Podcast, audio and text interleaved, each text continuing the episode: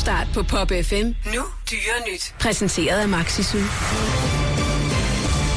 Vi lægger ud i København, hvor en dame er flyttet ind i Zoo. Det er isbjørnehunden Lin, der er flyttet fra Wien til København, hvor isbjørneparet Nord og Noel allerede nyder Københavnerkuglen.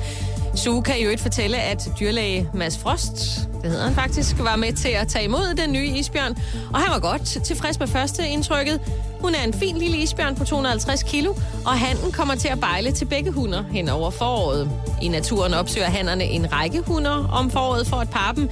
Vi kan således se frem til et lystigt forår, med mindre Lind giver isbjørnehanden den kolde skulder. Det har også været koldt i Wales, hvor et nyfødt lam nær var frosset ihjel. Det fortæller The Guardian. Lammets mor fødte nemlig to små unger under en nylig snestorm, og det var mere, end hun kunne håndtere. Så det ene lam blev efterladt på den iskolde jord. Uh. På grund af stormen opdagede foropdrætter Pip Samuel først det forfrosne lam dagen efter, og han var overbevist om, at det var omkommet i kulden. Men så trådte hundehelten Freddy til. Freddy lagde sig ved siden af lammet og begyndte at slikke det, og pludselig viste det lille lam tegn på liv.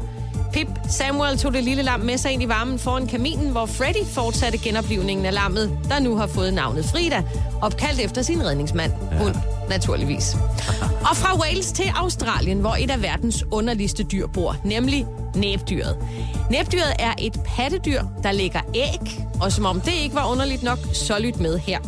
Fordi næbdyr lægger æg, så har de ikke nogen digevorter, som ungerne kan få mælk fra. I stedet sveder næbdyret mælk, som ungerne så kan lappe i sig via morens pels. Og nu bliver det virkelig vildt. Næbdyrpels er jo ikke ligefrem baktussefri, så mælken indeholder et helt særligt protein, som forhindrer skadelige bakterier i at overleve. Mælken har altså en slags indbygget antibiotika, og de nyfødte unger kan derfor trygt drikke mælken. Og Forskerne er ret vilde med den opdagelse, for lige nu slås hele verden med bakterier, der er resistente over for almindelige antibiotika. Men næbdyrets særlige mælkeprotein, der kan øh, superbakterier ikke overmande dem. Så måske bliver det næbdyrmælk, der kan redde os fra de sygdomme, som almindelige antibiotika ikke kan helbrede. Dyre nyt. Præsenteret af Maxi Kærlighed til kæledyr. Det her er Topstart på Pop FM.